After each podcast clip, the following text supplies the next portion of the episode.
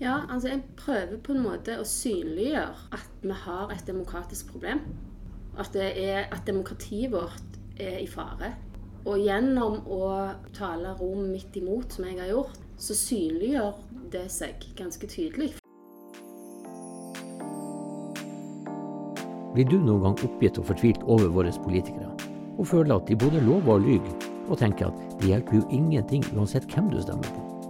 Eller er du kanskje folkevalgt sjøl, men syns at det er vanskelig å innfri de valgløftene som du har gitt dine velgere? På denne podkasten snakker vi om demokrati og folkestyre, på en folkelig måte, og deler kunnskap, erfaringer og praktiske tips som gjør at det vil bli enklere for deg å påvirke samfunnet der nettopp du bor, også selv om du ikke ønsker å bli en politiker sjøl. Hvis du går til www.suscon.no, og det staves suscon.no, så kan du for kun 50 kroner laste ned en video som enkelt forklarer hvordan kommunedemokratiet fungerer, samt hva som er viktig for at et lokaldemokrati skal fungere godt. Temaet for denne podkasten er jo demokrati og folkestyre. Og vi har jo eh, i tidligere episoder ikke hatt gjester, men i dag så skal vi gjøre noe helt nytt. Vi har den store gleden av å ha Susanne Hart, som er fylkestingsrepresentant i Rogaland fylkesting. Og bakgrunnen for det er at uh, Susanne har vært tydelig i sin stemme. Hun har gått ut og på mange måter snakka rom midt imot, og har fått mye tyn og pes for det mange reaksjoner både på sosiale medier, i media. Og det er ofte sånn at når man har en stemme som, som snakker mot det som de fleste måtte mene, så blir det mye bråk av det. Og det har noen konsekvenser for demokratiet. Og kanskje ikke minst for hvor eh, lett eller vanskelig syns vi det er å engasjere oss i demokratiet. Så det er en stor glede å, få, å ha Susanne med oss i dag for å kunne høre hva var det hun har opplevd, eh, og hvorfor gjorde hun det. Og hvilke konsekvenser har det fått, og, og tankene eh, videre. Så Susanne, hjertelig velkommen skal du være. Tusen takk.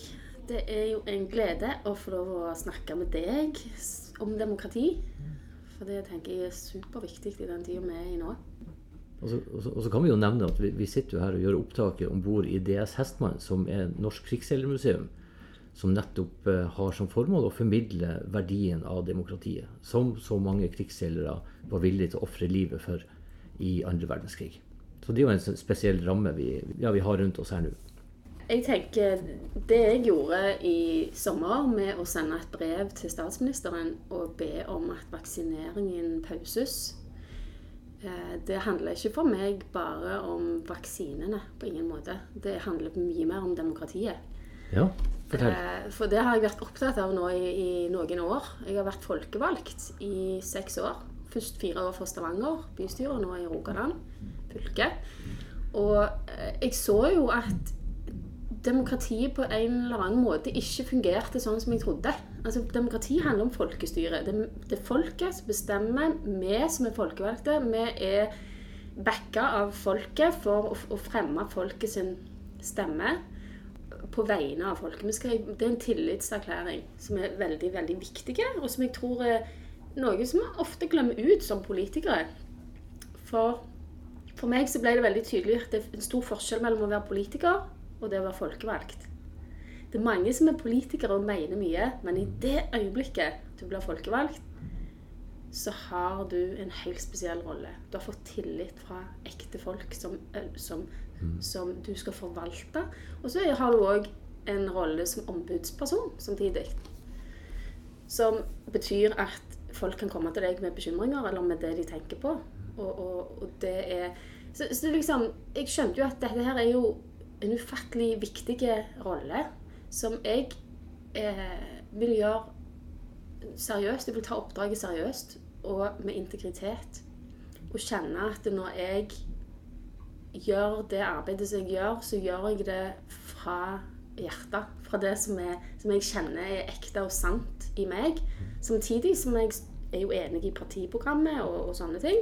I det partiet jeg er valgt inn på. Men, men så er det likevel det viktige som folkevalgt er meg som menneske, tenker jeg. Eh, det er en kontrakt som, som folkevalgte har med folket på et personlig plan. Og det må vi forvalte eh, ryddig og, og, og, og på en, på en ekte måte. Uh, og så ser jeg jo at folk er jo utrolig opprørt og frustrert av å se og å høre politikere som uh, på en måte lover og lyver og ikke leverer. Og, og, så tenker jeg at det er uh, Det er jo et problem. Og hvor kommer det fra? Hvorfor er det sånn? Ja, det er interessant. Ja, Så begynte jeg å grave i det. liksom Hvorfor? Og så viser det seg jo det at det, selv om at vi folkevalgte har en kontrakt med folket, så, så blir når vi er valgt inn, så blir vi veldig lett fanga av en slags partipisk likevel. Og da forsvinner jo integriteten. Den sunne fornuften. Nestekjærligheten. Samvittigheten. Det forsvinner jo bare rett ut forbi båten. Altså, det blir kasta ut. Og fordi at vi skal være tro mot partiet på et vis. Og da slutter vi å være mennesker. Sant? Det menneskelige plutselig forsvinner. Det tror jeg folk merker. Ja, og det du nevner med, med partipisk. Altså Når du kommer inn og har lova én ting, mm. Og så sier partiet at nei, du får ikke lov til å stemme fordi du skal faktisk stemme mot det motsatte at du egentlig mener å ha av velgerne dine. Og, og det, er da, det, er det du mener med Da forsvinner integriteten, og da forsvinner liksom tilliten. og og politikerforakten øker fordi at eh, hva skal velgerne stole på? De, ja, men... de, de, de, velger jo inn mennesker som de tror skal eh, love det de har eh, Eller holde det de har lovt. Mm. Men det, men det er òg òg en, en, ting som jeg tenker De tingene vi stemmer på i praksis i politikken, eller som folkevalgte, så er jo det forsvinnende få av de sakene som du kan finne igjen i partiprogrammet. Så mye av det vi gjør, er jo en synsing i forhold til det som går mer på verdisettet. Og, og, det er der jeg tenker det er så viktig at vi er mennesker oppi dette. For hvem ellers skal representere befolkningen når vi har et folkestyre? Hvem skal representere befolkningen? Og hva når folk, befolkningen eh, er opprørt og uenige, og, og det er stor splid? Skal ikke befolkningen få komme til orde da? Mm. Altså, Vi lever i 2021, og vi har teknologi, og vi, har, vi kunne så enkelt lagd et involverende demokrati. Der, der, vi ikke bare har eh, oss som, altså, som, folkevalgte, men vi òg kunne inkludert befolkningen i veldig mange saker. Fordi vi har teknologien som skal til. Men, men paradoksalt nok så går vi motsatt vei. Vi, vi lar globale krefter komme inn og fortelle sine agendaer og hvor vi skal hen, og influere våre folkevalgte. Mm. Og det er et annet puzzle som jeg ikke forstår helt. Hva, hva, har skjedd? Har vi et demokrati ennå? Mm. Er det der? Eller er, det, er vi styrt av andre krefter utenfor Norge? Og eventuelt hvilke krefter er det som styrer det? Er det ja. Så disse spørsmålene har jeg vært veldig opptatt av. Og det blir veldig syrlig i den i den krisen som verden er i akkurat nå, at alle har valgt én en eneste sann vei.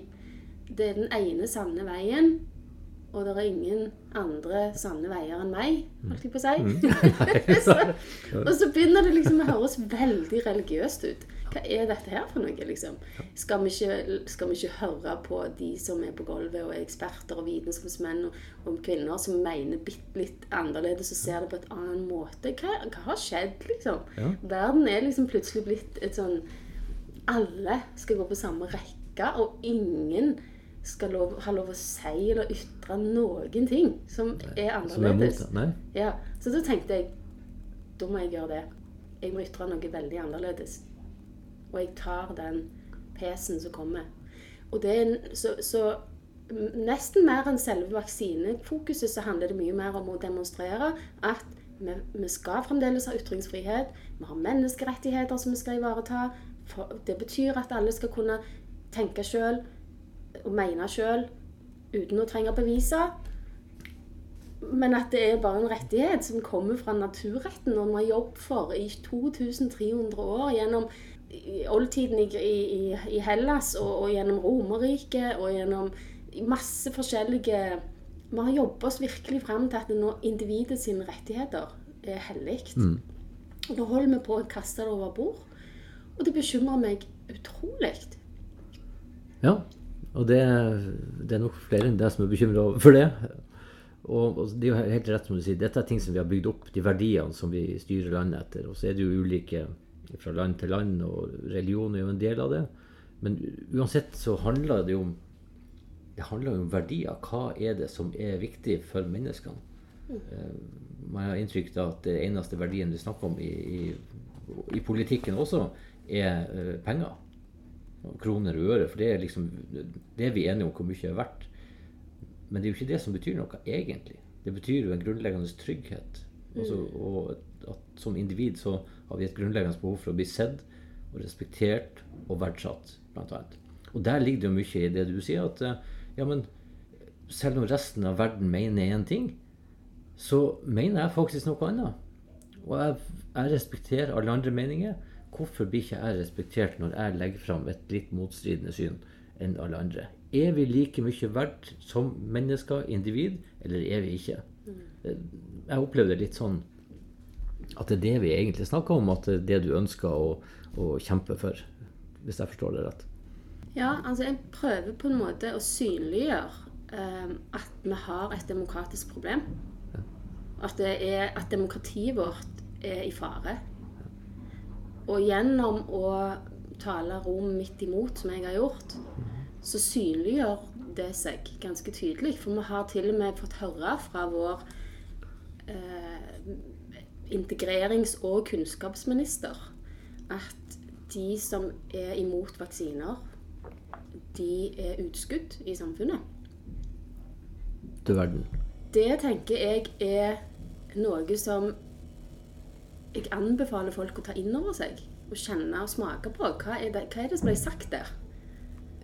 Av en integreringsminister. Av, av alle. ja, faktisk. Ja. Hva, hva, sier dette om demokratiet vårt? Mm. Hvem er in, vår integreringsminister der for? Er det for folket? For å samle alle menneskene i Norge? Integrere? Eller er det, er det Altså, jeg, jeg, stiller spørsmålene, for her skurrer ting. Mm. Når vi har fagfolk som har meninger, vi har, vi har ulike syn av ting Vi har f.eks. ulike syn på skal vi gå mot en teknologisk løsning av problemet, eller skal vi gå mer mot en naturlig løsning av problemet? Hvor er menneskeheten på vei hen? Mm. Altså, Hvem er det som bestemmer hvor vi er på vei hen? Har vi diskutert det? Har vi demokratisk forankra det? Det er masse, masse spørsmål ja. som ikke er besvart, og som, som blir motarbeida når vi løfter det. Ja, og, og, dette tror jeg jo skjer på, på, mange ulike nivåer, både internt i hvert parti. Det handler om, eh, det handler om makt, og, og, det er jo eh, Det sies jo det at makt korrumperer. Altså desto mer makt man får, eh, desto mer villig til, er man til å gå over lik for å få enda mer makt over mer ressurser. Uh, og, og, det er jo alltid en fare. Uh, og derfor er det viktig at man, man følger med på demokratiet. Organisasjoner, sånn at ikke noen Det var noen som sa en gang at uh, et menneskes sanne moral er det man er villig til å gjøre når man er 100% sikker på at man slipper unna med det. Mm. Og det er også en sånn tanke som nesten er litt ekkel å tenke på. Men jeg tror det ligger i menneskets natur at ok, hvis vi får lov, så hvorfor ikke? Og sånn blir det litt med makt òg, som er litt sånn uh, opium og avhengighetsskapende. Men noen må passe på. Og når det ikke blir rom for å stille de kritiske spørsmålene, og være litt vaktbikkje og, og, stille spørsmål med ting, så, så er det fare på ferde. Mm.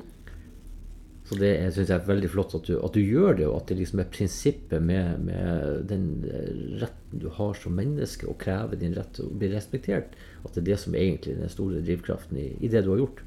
Ja, og jeg, jeg, visste jo at nå risikerer jo jeg alt som alt, Altså min posisjon og omdømme og, og, kanskje venner og enkelte venner selvfølgelig og sånn som ikke vil være enige med meg. Og, altså Det som har fått meg til å gjøre dette, det, kom, det kommer fra en drivkraft der jeg kjenner at demokratiet står i fare, og menneskerettigheten og ytringsfriheten står i fare. Og det var så tydelig for meg at jeg kjente bare at jeg måtte gjøre noe. Og at den, min egen posisjon betydde ikke så veldig mye om det røyk med. Eh, fordi at dette er større, mye større enn meg. Mm. Dette handler om mennesker, menneskeheten. Friheten til å leve. Friheten til å delta og være med og bestemme i et folkestyre.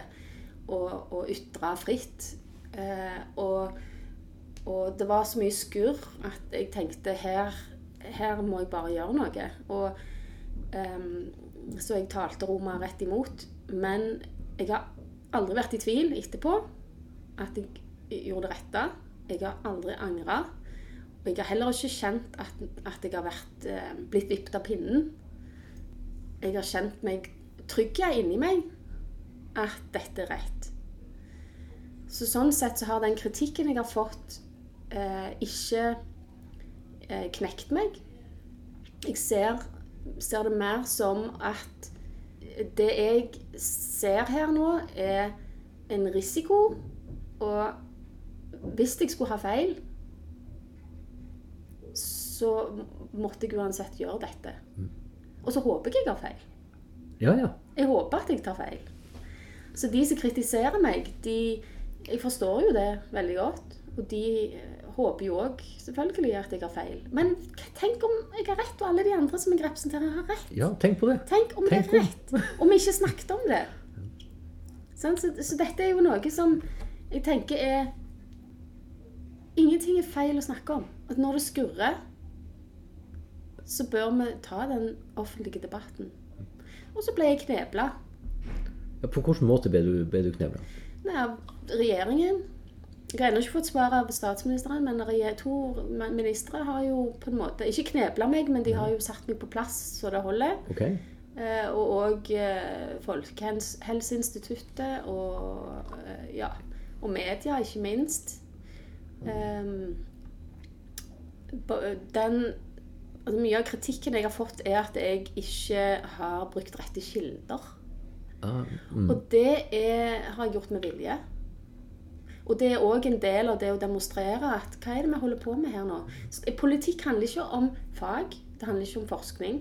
Vi bruker fag og forskning for å støtte oss. Men politikk handler om å forvalte menneskers liv og, og samfunnet på en god måte. Det styres ikke av forskning. Det styrer av noe mye mer menneskelig.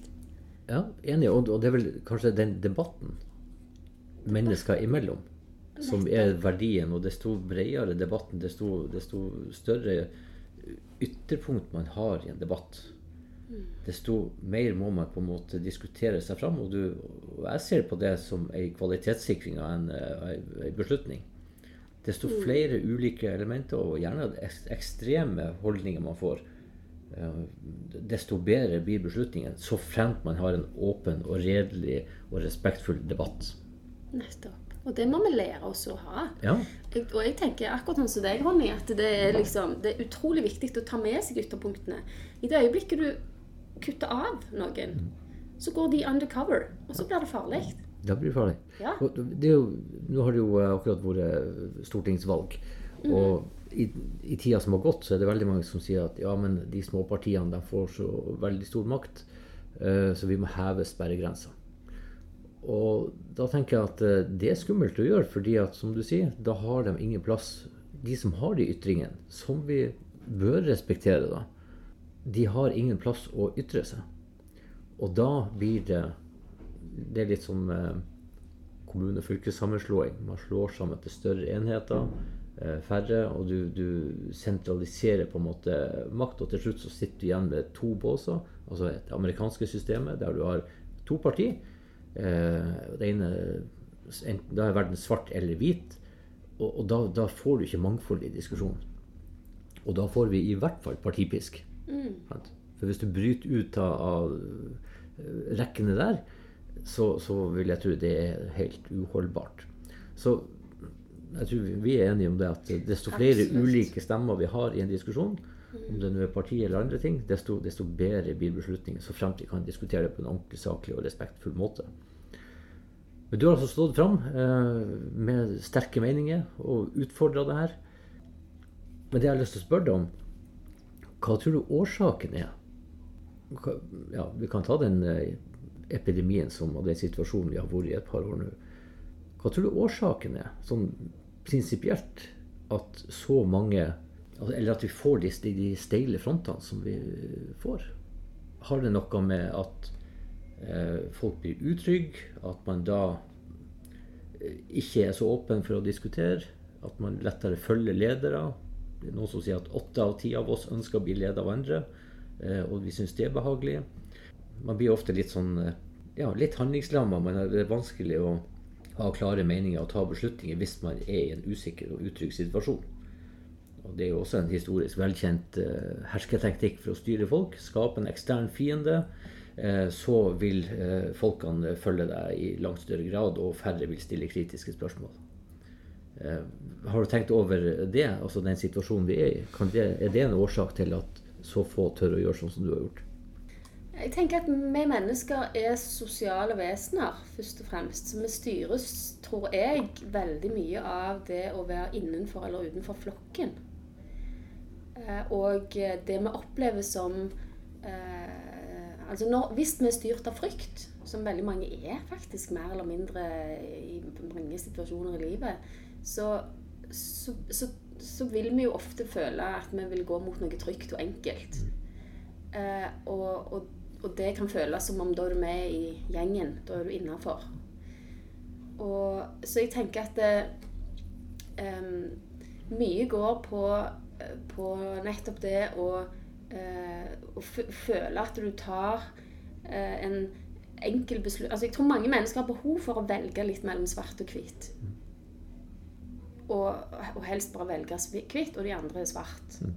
Da, da, er livet enkelt. Mens det er jo veldig mange mennesker som ønsker å gå mye mer inn i, inn i stoffet, inn i, i informasjonen, inn og undersøke. Og er mye mer åpne for et virvar av løsninger et stort bilde av forskjellige veier. Eh, og det skaper trygghet hos de. Ja, her snakker du om de, de menneskelige, individuelle forskjellene tingene, ja. på, på, hva man opplever trygt og utrygt. For ja, for jeg tenker Det livet vi lever, de fleste av oss, er så travelt. Det er så pressa. Vi skal prestere på over, overalt. Og da vil det jo være veldig naturlig å, å kanskje velge noe, de enkle løsningene i politikk eller meninger òg. At vi tar svart eller hvitt. Og vi stoler på at noen andre har sjekka dette. Eh, men jeg tenker, det, vi må ikke glemme i et demokrati at det finnes en stor gruppe av mennesker som liker å tenke sjøl. Og liker å undersøke, liker å sjekke, liker å være kritiske til ting. Liker å finne sin vei. Og det er en del av å være i demokrati. Vi må få lov til det. Er det, er det ikke da også sannsynlig at uh, de som, enkelte av de som uh, går dypt i materien, er også de som er positive til det. Men at man har ulik oppfatning fordi at utfordringa i dag med informasjonsflyten er å skille mellom hva er det som er rett, og hva er det som er sant. For jeg tror vi finner mennesker på begge sider, også i denne saken, som har brukt ufattelig masse timer og dager på å lese seg opp på ting og er temmelig overbevist om at man har rimelig god dekning for det man sier, men allikevel så har man vidt forskjellig oppfatning. Men jeg syns jo det Nå har jeg levd i vel 50 år, men jeg opplever at eh, det også Informasjonsflyten er helt vanvittig. Eh, og eh, før så hadde vi vår naive tro til NRK, for det var det eneste vi hadde da jeg var liten. Og I dag har vi masse kanaler. Det blir pøst ut med informasjon som er motstridende, og det er nesten helt umulig å, å, å vite hva er det som er sant. Og hva skal vi stole på? Sant? Og det i seg sjøl syns jeg gjør livet litt mer utrygt enn det opplevdes før. da. Ja, helt enig. Og, og, ja, og jeg tenker det um, Mye ligger jo i nettopp kanskje media sin rolle på å formidle informasjon. Fordi, og, og myndighetene i en krisesituasjon. Fordi det er en tendens til å bare vise den ene veien. Og jeg tror oss som er opptatt av demokrati og menneskerettigheter og ytringsfrihet, vi reagerer jo på at det er ikke en reell debatt. Vi merker jo det. Vi merker jo at her er det jo ferdig tygd budskap. Enten kjøper du det, eller så kjøper du det ikke. Det er jo ikke sånn et demokrati fungerer. Nei, det er ikke sånn jeg trodde det skulle fungere. Nei, nei, nei. Det er jo meningsmangfoldet som ja. er viktig. Og jeg tenker at det, det, skaper mye utrygghet hos mange. Det er at Oi, det er ikke rom for diskusjon her. Det er ikke rom for å velge. Hvor er valget mitt? Og, og, fordi det er ikke en løsning til alle mennesker alltid. Altså, det er jo aldri sånn vi velger jo forskjellig. Altså, det må jo være en verdibasert debatt. Det må jo være basert på vil, jeg ønsker jeg, Er jeg en av de som, som har tro på en menneskehet som, som eh, blir oppgradert eh, i forhold til eh, Altså at vi bruker genmanipulering for å oppgradere mennesker. Altså for å bli mer intelligente, bli mer eh, emosjonelt balanserte, få en mye mer robust kropp som tåler mye mer. Kanskje vi kan leve lenger. Er jeg en av de som har lyst til å gå den veien? Eller er jeg en av de som har en annen verdi? Som tenker eh, Nei, jeg tenker naturen har gjennom evolusjonen har, har fått menneskekroppen til å bli så intelligent at vi menneskesinnene klarer aldri å forstå den enorme intelligensen som ligger i det samspillet, i det økosystemet som en kropp er, og i samspill med det omgivelsene. At det blir arrogant å tro at vi skal kunne oppgradere noe sånt. Da, kan, da, da tror jeg vi skyter oss sjøl i foten, på et vis. Altså, hvor er, denne verdidebatten tenker jeg er utrolig viktig. Fordi vi har tatt det første steget nå inn i det som Elon Musk fortalte når jeg var i et eh, møte med han på, på nettet med en stor gruppe folk, men han var live, og vi kunne spørre spørsmål. Og han sa at um, at nå har Big Pharma og Big Tech på en måte slått seg sammen. Og, og det, resultatet av det er nå en digitalisering av cellene våre så nå, nå, har ikke Big Tech, de store teknologiselskapene, har ikke bare lenger tilgang på å påvirke oss mentalt, men nå skal de inn i cellene våre. Og det, måten de gjør det på, er gjennom mRNA-teknologi. Mm. Som da kan egentlig programmere hva som helst. De kan få cellene til å gjøre hva som helst. Og det er et, en etisk eh, veikryss som vi ikke har snakket om. Sant? Nei. Og, og, hvis det er noen ting som, som gjør meg utrygg, og, og og nesten litt redd, så er det nettopp det her. Jeg har nå en barnelærdom som eh, jeg husker bestemor alltid sa at uh, vi skal ikke tukle for mye med naturen. Og det har liksom vært en sånn ledetråd for meg hele tida. Å mm. tenke både bærekraft og hvor viktig de små tingene i livet er for at ting skal gå rundt. Uh, og når vi snakker om da, med genmanipulasjon og, og form, begynne å forme mennesker og det er jo, Man skal ikke ha store fantasien for å, å, se for seg det potensialet som ligger i det. Kunne styre menneskesinnet og menneskefølelser eh, altså biologisk. Og, og, det er utrolig skremmende å tenke på. Og så skal vi nok heller ikke være så naive og tenke at ja, men det er nok ingen som gjør det. Jo, selvfølgelig er, vil det være folk som gjør det. For det er ingen tvil om at vi har vitenskapen og teknologien, og at det ligger vanvittig med penger i det og som vi snakka om i stad, når det ligger veldig veldig mye penger i en ting, eh, så eh, har folk lett for å gå over lik. Og den verdidebatten som du eh, snakka om, den, den syns jeg er interessant. For jeg husker noen år tilbake under Bondevik-regjeringa.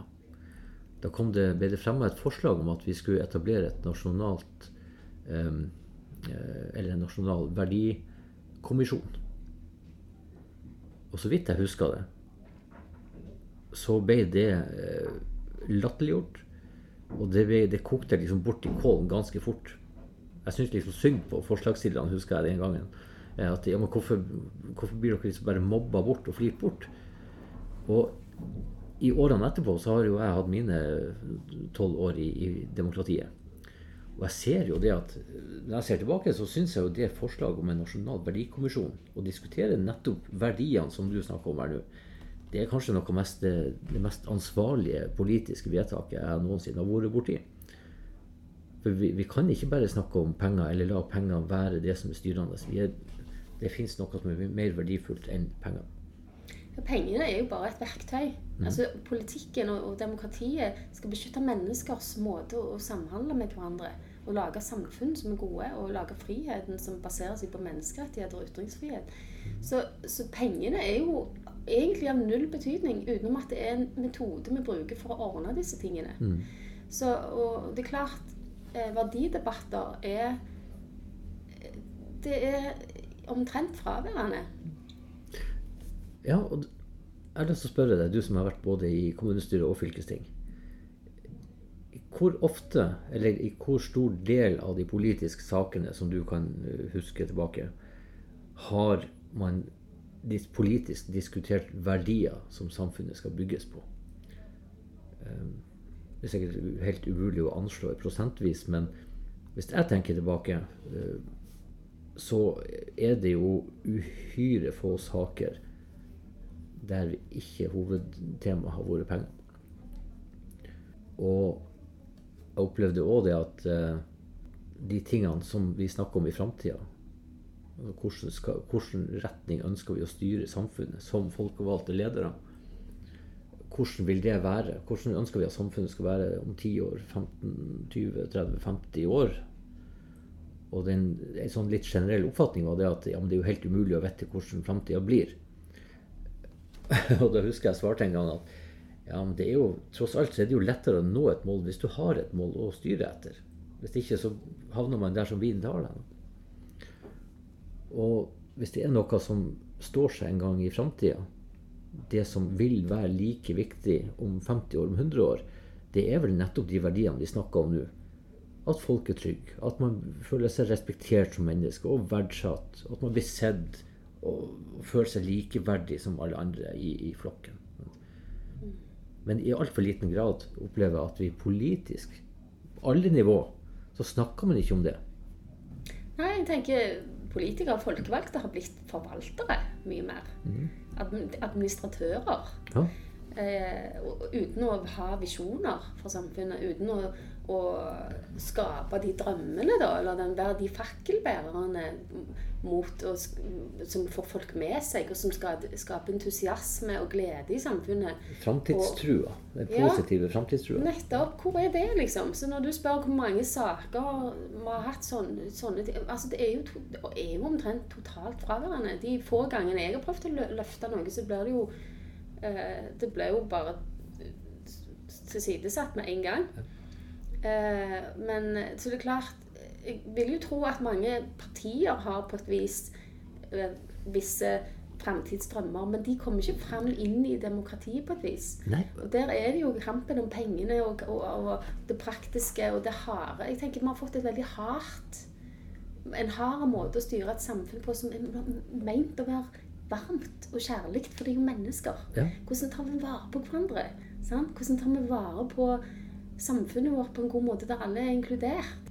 Og ikke alle trenger å gå på rekka. Men det er en fantastisk virvar av forskjelligheter. Og alle har sin plass. Så, så jeg tenker Det er jo Det har blitt eh, Jeg tror det tar mange år òg før du som folkevalgt skjønner hva det går i. Og, og, og da er du gjerne lei. Så da har du gjerne vært med å forvalte disse tingene og svart ja eller nei på hvor en brannstasjon skal ligge, eller hvor, hvor mange etasjer et hus skal være, eller Om naboen skal få bygge garasje eller Ikke ikke. Altså, det er litt sånn. Eh, og så har du liksom alt det som du kanskje da brant for i starten. At 'Å, jeg har lyst til å være med og bidra i samfunnet til noe positivt'.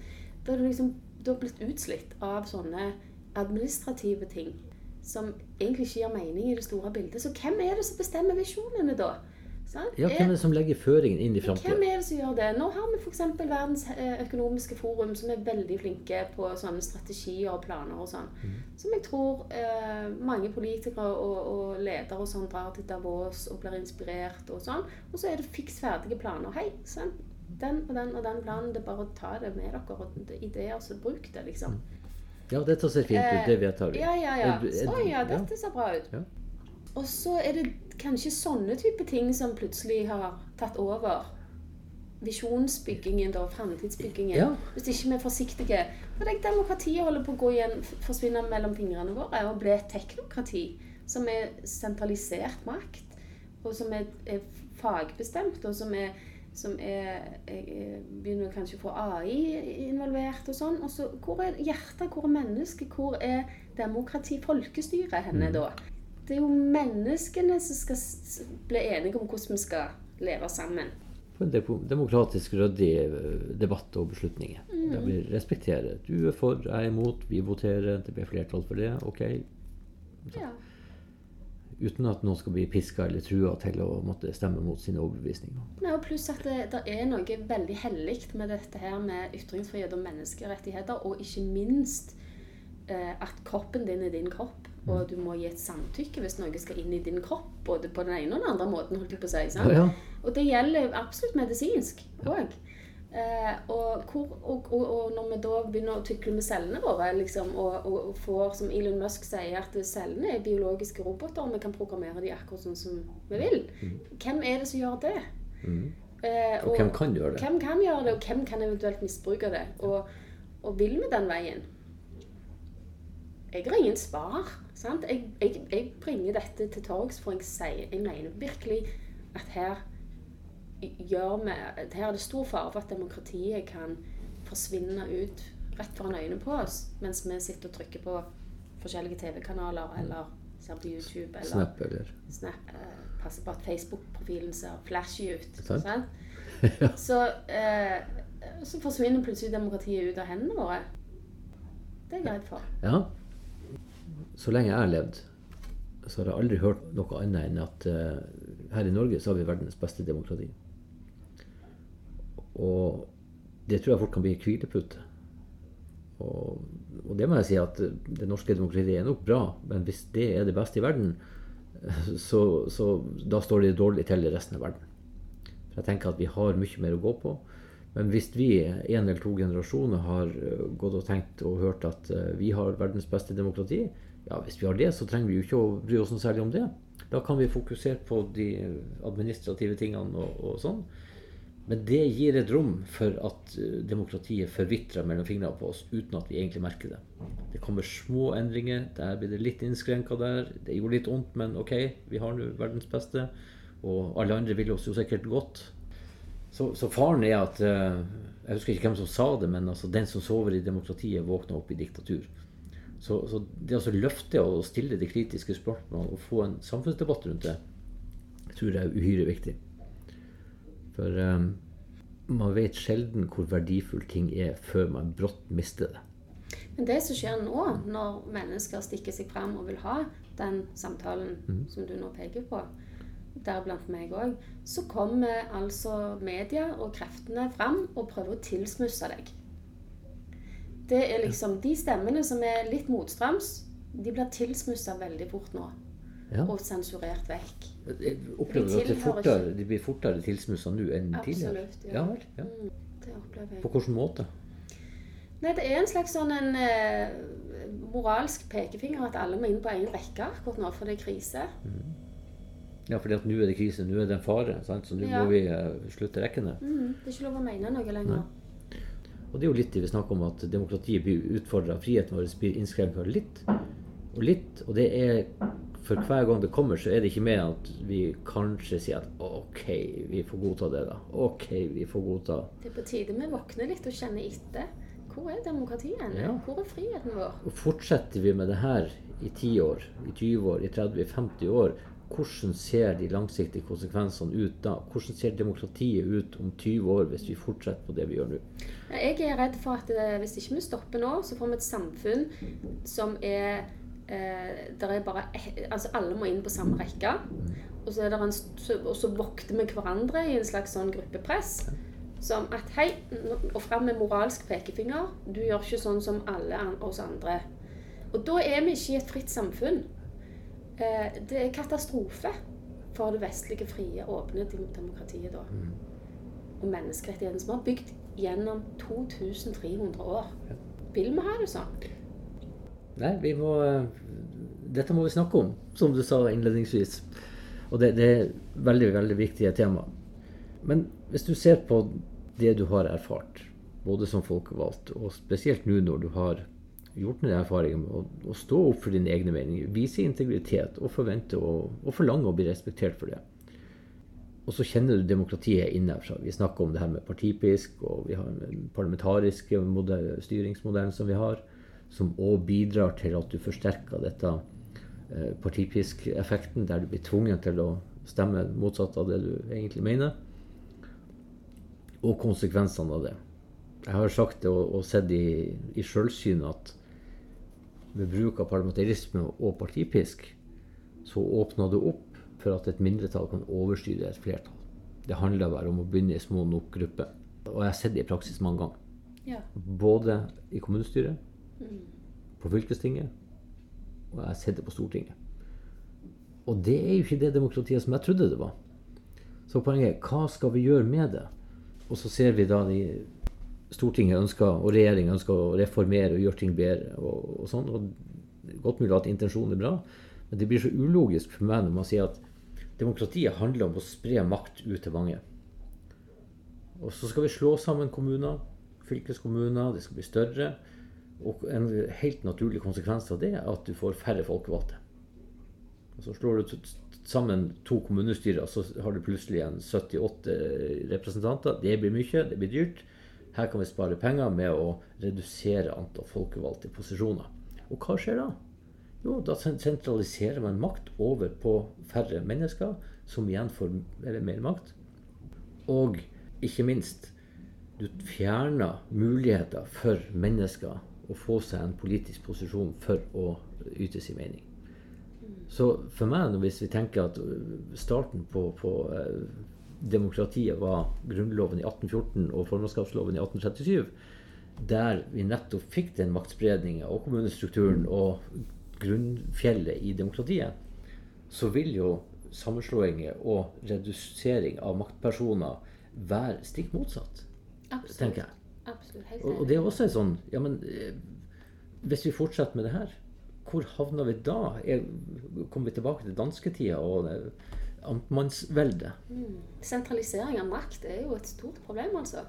Fordi jeg tenker, Det du sa der med at vi har et representativt demokrati og vi har partipisk og den, så det, I praksis betyr jo det at vi har ikke bare et representativt demokrati der mennesker stemmer inn personer som blir folkevalgt, men de folkevalgte etterpå. Mm.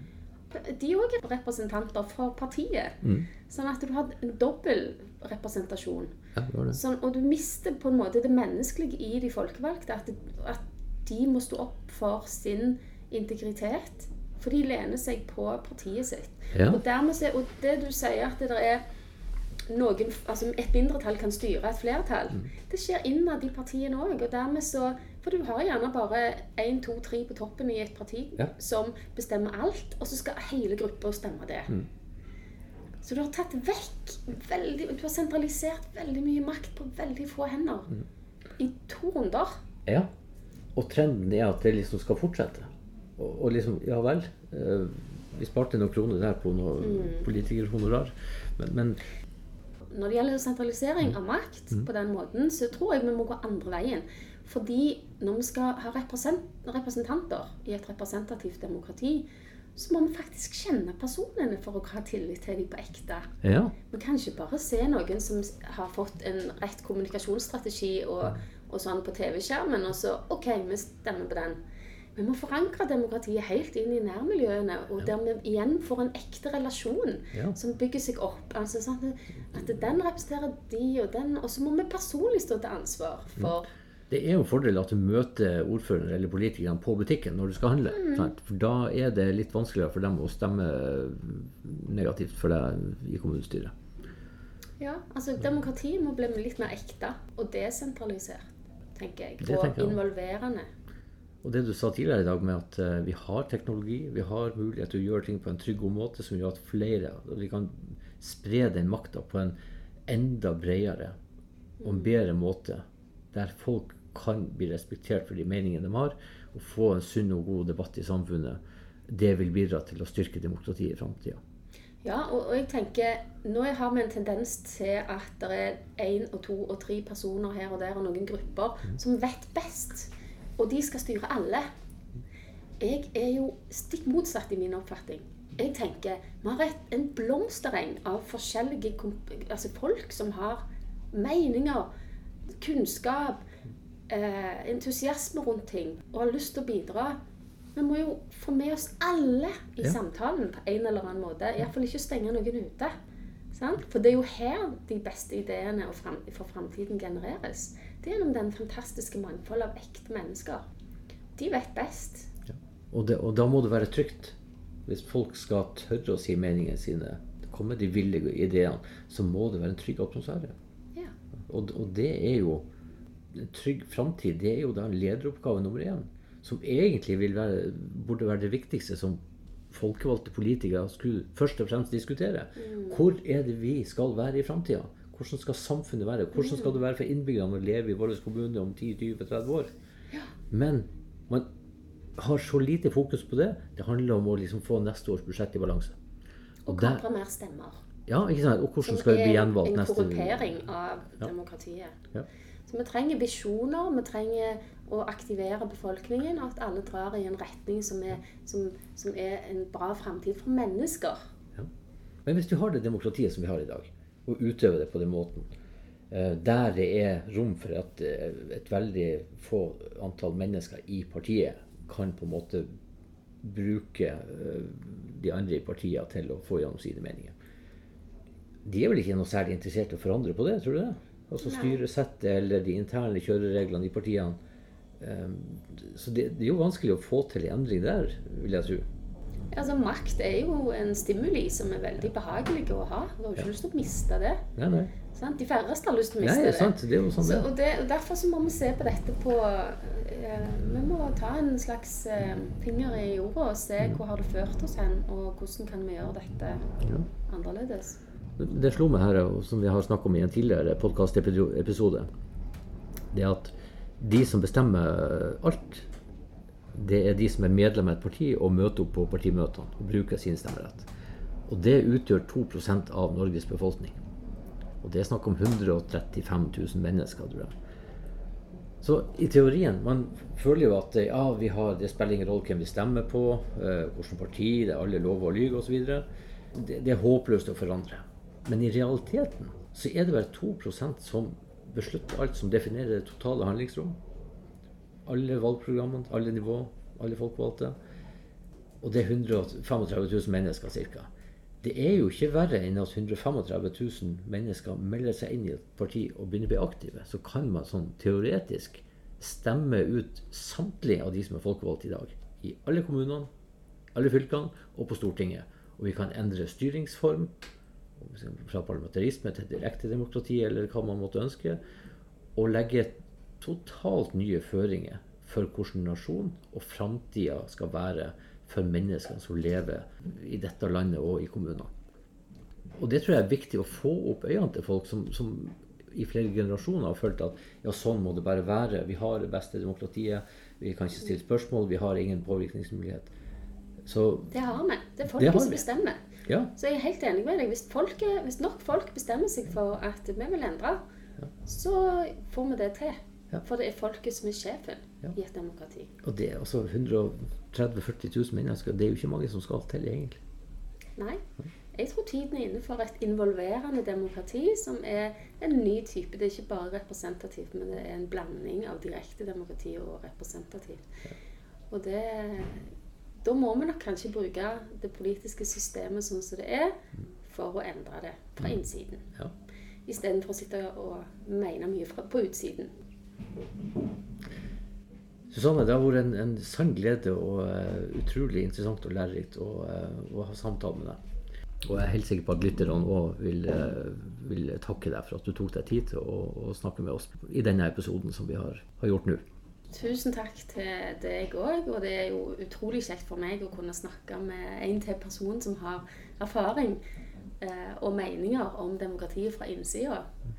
Um, så det er jeg veldig, veldig glad for at jeg fikk uh, ta denne praten med deg. Det så flott. Og så kan vi jo se. Vi, uh, verden går jo videre, og vi erfarer jo stadig nye ting på alle måter. Så du skal se, plutselig en dag så sitter vi og snakker om igjen uh, på nytt i en ny podkastepisode. Så får vi evaluere hvordan demokratiet har utvikla seg. Så takk skal du ha. Hvis du syns det er interessant å høre om demokratiet, hvorfor det er sånn som det er, og ikke minst hvilke muligheter du har for å påvirke, så vil jeg anbefale deg å klikke på abonner-knappen, sånn at du ikke går glipp av neste episode. Og hvis du går til www.søskon.no, så kan du nå for kun 50 kroner laste ned en video som enkelt forklarer hvordan kommunedemokratiet fungerer, samt hva som er viktig for at lokaldemokratiet i din kommune skal fungere godt.